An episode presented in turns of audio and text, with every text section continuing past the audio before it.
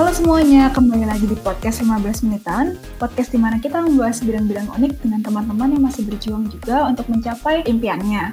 Nah, di sini kita ada kedatangan salah satu tamu nih. Halo Kak Kristi. Halo, Halo Kak Kristi. ya, jadi di sini ada Kak Kristi dan juga ada Stefan juga. Kak Hai. Kristi, boleh dong Kak eh, kayak perkenalkan diri kayak sekarang lagi apa aktivitasnya, terus juga dulu kuliah apa? Iya, boleh. Uh, first of all, thank you so much tim 15 menitan for having me. I'm really really excited.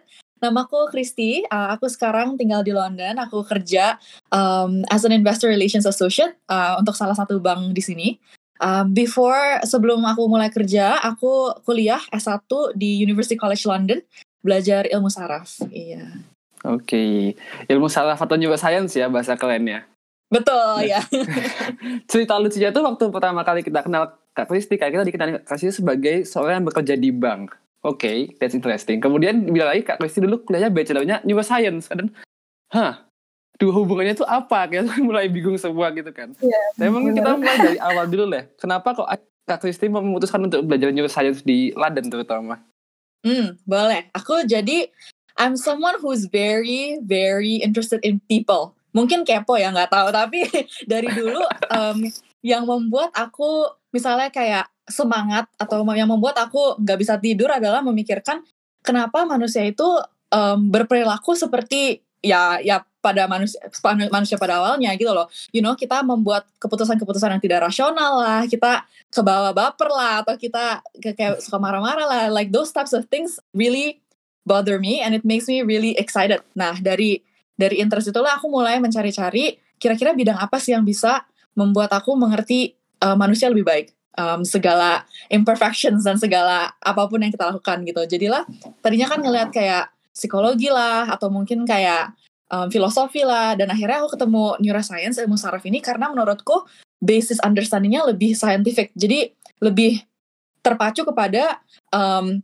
scientific process. Lebih you know ada ada grounding science-nya. Uh, sementara aku menurut aku kayak psikologi atau kayak filosofi itu lebih abstrak ya. Karena um, teori-teorinya le- kayak berasal dari otak manusia sendiri dan kadang-kadang aku bingung aja aku mau ngelihat dari benar-benar sisi molekularnya lah sisi biologinya apa sih yang membuat kita um, berperilaku gitu jadi itulah dari awal mulanya gimana bisa ke neuroscience Jadi membawa overthinking ke to the next level ya. Nggak cuma dipikirin tapi langsung dipelajari ya. Iya, kayak penasaran banget ya ampun kayak kita tuh unik-unik soalnya gitu. Nah, tapi mungkin buat kita yang nggak begitu familiar dengan neuroscience, itu kayak masih abstrak juga kan. Maksudnya apa sih kok tadi nyebutin soal molekuler lah, soal reaksi. Mungkin bisa nggak kasih contoh sesuatu hal yang simple yang kita alami sehari-hari yang bisa dijelaskan dengan neuroscience? Boleh. Um, jadi neuroscience sendiri ada banyak sisi ya. Ada sisi kayak molekular seperti yang tadi aku bilang. Ada juga sisi behavioral. Ada sisi um, ya jadi tergantung mau lihatnya dalam skala apa. Bisa kayak bener-bener ngelihat zat kimia apa yang otak kita keluarkan ketika um, experience hal-hal tertentu. Ada juga sisi yang bisa ngelihat lebih makro yang gimana sih kita berinteraksi dengan orang-orang banyak. Jadi lebih ke grup um, behavior gitu. Jadi skalanya ada banyak macam. Misalnya something simple deh. Kalau misalnya kita ngelihat orang yang kita taksir, Wes. Um, Oh, ini. misalnya deg-degan nih atau kayak um, apa bola mata pupil kita lebih gede gitu kan. Jadi apa sih yang lead us to this reaction? Itu tuh mulai dari bisa pelajarnya mulai dari neuronnya keluarin zat neurotransmitter apa? Kayak apakah endorfin, apakah adrenalin, apakah jadi ngelihat dari molekul apa yang dikeluarkan di otak dan how does that lead to the reaction? Kayak gimana sih caranya ini menggerakkan saraf-saraf kayak you know saraf-saraf sampai kayak hati kita lebih dak dikduk atau kayak pupil membesar jadi benar-benar prosesnya gitu loh um, apa ya karena at the end of the day our brain itu electrical circuit. It's electricity kayak potassium dan sodium um, going in and out of the neurons gitu kan. Jadi everything ada scientific basis. Jadi dipelajari tahap-tahapnya untuk kayak sampai jadi behavior tuh gimana gitu in a nutshell. Ah, Oke, jadi kan sebenarnya neuroscience sendiri itu kan juga suatu ilmu yang mempelajari tentang bagaimana otak kita bekerja kan ya. Dan padahal kalau kita lihat juga sebenarnya udah ada ilmu seperti psikologi juga kan yang mempelajari tentang behavior kita.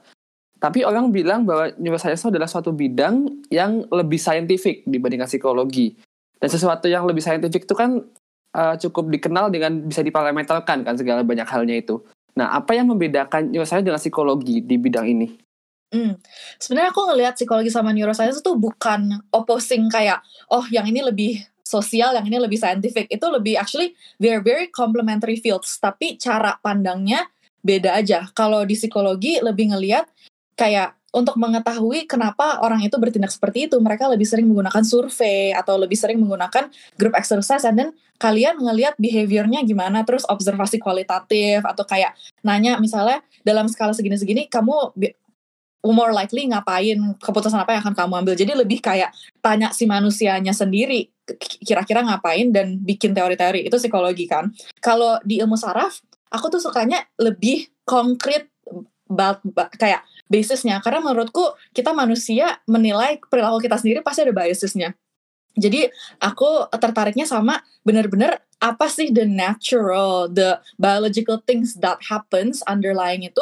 Karena kita sendiri juga nggak sadar kita nggak bisa memutuskan neurotransmitter apa yang otak kita rilis ya kan? Kita nggak bisa kontrol misalnya kok kalau sakit kita refleks. Atau misalnya you know kayak lututnya dipukul terus kayak kaki kita kayak naik sendiri gitu kayak we cannot control those kind of stuff. Jadi um, yang membuat aku lebih tertarik ke neuroscience adalah karena it's very natural. It's a phenomenon yang kita no control over almost. Jadi um, iya menurutku lebih menarik aja uh, observing something in nature daripada nanyain orang-orang gitu loh. Um, tapi menurutku they complement each other. Kayak kalau kamu ngerti psikologi otomatis ngerti sedikit neuroscience. Dan kalau ngerti neuroscience otomatis sedikit belajar psikologi juga gitu Alright, so sebenarnya itu kayak berangkat dari ketertarikan Kak Kristi lagi ya yang dari awal tentang behaviornya manusia. Nah, aku sendiri nih kayak ngelihat gimana Kak Kristi bisa implement hal itu di uh, recent worknya Kak Kristi yang jadi konsultan itu. Nah, boleh dong Kak ceritain sedikit kayak gimana sih relation dari dua hal tersebut di uh, sekarang? Hmm, boleh. Jadi kayak seperti yang kalian bilang ya, aku kayak sekarang kerjanya di finance di bank Um, and the reason why itu karena pas aku S1 um, akhir-akhirannya aku ketemu this field namanya neuroeconomics atau behavioral economics. Dan ini adalah well tiga tahun dulu tiga tahun lalu ya fieldnya masih sangat baru. Kayak sekarang mungkin udah kayak lebih lebih ya lebih mature lah. Tapi dulu itu pas aku pertama kali ketemu this field aku kayak mind blown aku terpukau lah. Karena ini adalah field di mana ini passionku untuk human behavior di apply ke day to day tapi impactnya sangat banyak karena you know money runs the world. Semua orang mhm. kerja untuk duit dan you know um, ekonomi itu kayak something very tangible and something you live by day to day. Jadi aku ngerasa ada scope di mana it's more practical. Karena menurutku setelah belajar neuroscience tuh a lot of the stuff itu kayak very theoretical and like gak ada aplikasinya. Susah untuk diimplementasi di kehidupan sehari-hari. Sementara neuroeconomics ini ada kerja nyatanya bahwa bisa diimplementasikan jadi from this interest in neuroeconomics, um, aku tuh nggak ada background finance atau ekonomi sama sekali. Jadi aku ngerasa ya udahlah aku mau terjun ke dunia keuangan biar aku bisa belajar tentang dunianya sekalian juga ada pengalaman kerja sebelum mudah-mudahan di masa depan nanti aku bisa do maybe S2 atau S3 untuk lebih mhm. mendalami um, fieldnya ini. Tapi ya ke, alasan kenapa bisa masuk ke keuangan karena aku ngeliat itu adalah salah satu potensi yang besar. Everyone deals with money and the impact could be you know like massive gitu loh. Hmm. hmm. Tapi kita sendiri tuh masih agak bingung deh jujur kayak apa sih sebenarnya peran behavioral study behavioral study ke bidang economics? Ada nggak sih satu peristiwa sehari-hari yang kita alami yang sebenarnya juga bisa dijelaskan dengan neuroscience yang di bidang ekonomi terutama? Hmm. Oke, okay, kalau misalnya ini di kerjaan sehari-hariku misalnya kita ngelihat um, apa ya? Hmm. Jadi pasar keuangan itu kan tiap hari gantinya sangat cepet kayak ada kadang-kadang you know some stocks are higher some stocks are you know kadang atau misalnya ambil contoh waktu itu kayak apa sih GameStop ya yang kayak stoknya gara-gara oh, yeah. kayak melejit tinggi gitu kan. Itu kayak aneh banget karena banyak orang-orang yang tidak mengerti basis keuangan banyak orang-orang yang bahkan nggak main saham tiba-tiba meluncur main saham beli this one stock GameStop gitu loh. Jadi dari itu obviously kayak ada sisi psikologinya agak mungkin ada sisi FOMO-nya atau mungkin orang ngetren-ngetrenan gitu kan. Tapi untuk kayak the basis of economics is that people act rationally ya kan itu kayak one of the pillars of economics they assume people make decisions based on rationality gitu jadi mm-hmm. menurutku menarik aja karena kita tahu kita bukan manusia-manusia yang rasional jadi di mana neuroeconomics come in itu adalah menjelaskan kayak sebenarnya kita tuh nggak rasional dan ini kenapa dan for example on the GameStop element kayak orang-orang banyak papers yang abis itu keluar kayak menunjukkan grup grup psikologi di belakang itu atau kayak kenapa sih orang-orang bisa terpengaruh dalam skala besar lewat internet untuk menaruh duit mereka ke investasi yang mereka mungkin nggak research gitu loh. Um, so those types of things lah um, adalah di mana kayak ranah neuroeconomics um, ya. Yeah. Oke okay, oke okay. kak uh, kalau nggak salah nih dari apa yang nangkep sebenarnya kayak neuroeconomics lebih kayak ke gimana kita bisa menilai perilaku konsumen dari suatu kejadian yang ada gitu kali ya kurang lebihnya. Nah, berarti kayak yeah. kurang lebih bakal sama kayak um, iklan gitu kan. Kayak kalau misal kita ngelihat iklan dikit, kalau misalnya iklannya cenderung ke tense-nya misal kayak yang membuat semangat kayak orang jadi kayak ah aku butuh ini atau apa gitu gak sih kak jadinya kayak less more likely kayak marketing gitu gak sih kak jatuhnya bisa ada definitely ada elemen marketingnya um, hmm. ada juga elemen polisinya jadi gimana sih cara um, apa pemerintah-pemerintah bisa mendesain polisi jadi orang-orang lebih termotivasi untuk mengambil one one like one course of action daripada another. Oke, okay, misalnya kayak di Sweden, um, kalau misalnya kamu um, olah pension ya pen, kayak duit pensiunan kamu, um, there are multiple options. Like different countries have different regulations ya. Kalau di Sweden itu ada paket kayak kamu bisa pilih um, pension kamu sendiri. Dulu kayak terserah kamu ada pension kamu pilih sendiri mau invest di mana gitu kan. And then what we found is that people make worse decisions. Given the freedom to invest in anything they make worse decisions karena mungkin mereka not well researched not that invested karena pensiunan masih terlalu lama jadi mereka nggak mikirin misalnya ya.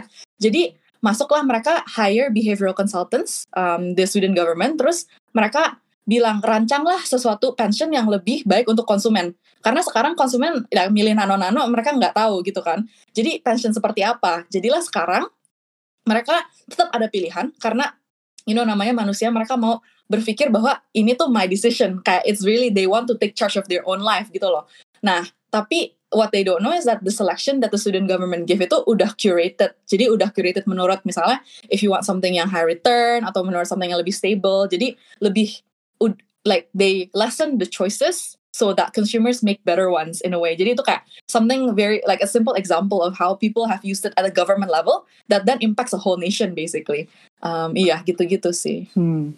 Tapi kalau di bank sendiri kan it kind of interesting bahwa bank itu mau invest ke bidang R&D terutama di sesuatu nilai ekonomis yang secara kita itu kan nggak langsung berhubungan ke benefitnya bank sendiri kan tapi apa sih sebenarnya keuntungan dari bank kenapa mereka mau menginvest dana untuk ke bidang yang cukup abstrak ini sebenarnya. Hmm. karena pertama mungkin it's something that a lot of people are not aware of and don't have at the moment. Jadi jarang banget ada bank yang ada unit tersendiri untuk behavioral stuff kan. Justru itu the unique selling point. Karena mereka mau the first one misalnya untuk invest in this type of stuff.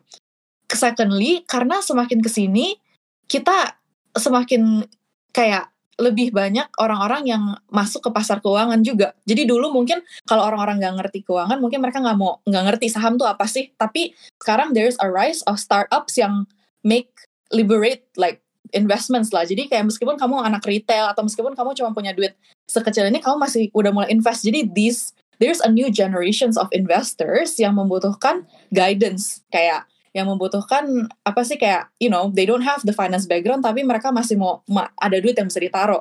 Jadi makanya kayak lebih populer lah sekarang gitu. Oke dan kalau aku lihat kan berarti sekarang kan bidang ini masih sangat berkembangnya di industri ya dan apakah kakak lihat nggak bahwa bahwa bidang ini juga nanti akan berkembang di masyarakat? Bagaimana ini bisa mempengaruhi sehari-hari kita dalam kita mengambil keputusan terutama hmm. di bidang ekonomi Uh, I think I see it, especially di policy ya. Kalau di UK, there's this thing called the Nudge Unit. Ini adalah salah satu badan di bawah pemerintahan Inggris. Um, and what they do is mereka benar-benar mendesain kesannya UX kehidupan orang-orang di sini, biar mereka um, ternash. Jadi ini maybe one interesting example pas lockdown tahun lalu di mana kayak COVID lagi besar-besarnya kita nggak mau orang-orang keluar mana pun. Um, mereka sengaja matiin papan yang menunjukkan kapan bus datang atau kapan kereta datang. Kayak misalnya kan ada countdown 5 menit, 10 menit mm -hmm. gitu kan. Nah, the government sengaja matiin papan-papan ini biar soalnya when humans nggak tahu kapan mereka bakal nunggu, mereka lebih agitated, mereka lebih nggak betah, mereka lebih resah gitu kan. Hmm. Jadi mereka tambah yeah. males naik public transport and it showed jadi kayak setelah mereka matiin-matiin papan ini orang-orang kayak jarang lebih jarang kayak iseng-iseng keluar rumah gitu loh um, meskipun so, tramnya tetap ada sebenarnya ya Iya, trainnya tetap ada and the schedule is the same. Tapi mereka cuma matiin Hmm. papan. Um, and it's very interesting karena it's something the government admitted to doing much later. Mereka nggak langsung announce, oke kita bakal melakukan ini. Tapi ya yeah, there is a the, the the nudge unit is the behavioral economics unit of the UK government and I found that like small things loh, cuma matiin papan doang tiba-tiba orang-orang udah kayak oh yaudah deh males-males gitu loh. Interesting. Iya, interesting banget.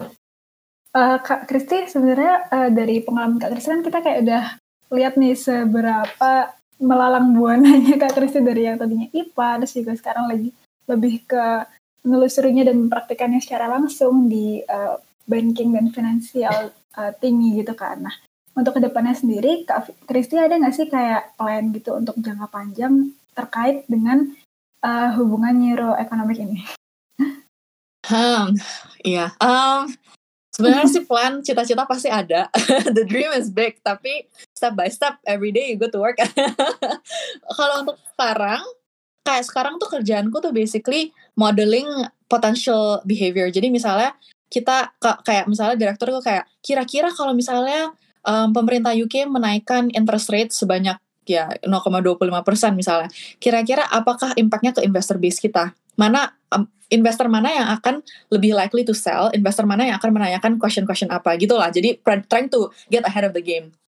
Nah, I in my dream, uh, mudah-mudahan suatu saat nanti setelah I don't know maybe five years in my current job, rencananya mau S2, S3 karena at the end of the day aku belum ada pendidikan formal di sekitar um, neuroeconomics ini. Kayak so far cuma baca-baca buku, baca-baca paper, kerja gitu kan. Tapi I think it'd be good to get a formal degree. Nah, Terus setelah itu, my interest is actually in the public sector. Jadi ideally, I wanna work for international governmental organization. Apakah itu something like Central Bank, World Bank, tapi something yang lebih public sector. Tapi I like what I do. I think what I kayak I, I still wanna do modeling behavior, tapi mungkin not for the private, uh, not for one company, tapi for society. Karena menurutku at the moment what's missing from my job is something for the community. At the moment I feel like aku lebih terpacu kepada making sure my company is making money or like making sure my investors are happy. Tapi I feel like I want to do something for society lah gitu. Keren, keren. Karena ini meskipun kita banyak udah ngobrol soal bidang ekonomi, mungkin kayak teman-teman juga belum tahu bahwa backgroundnya Kak Kristi itu juga sangat luar biasa luasnya ya sampai ada songwriting nih.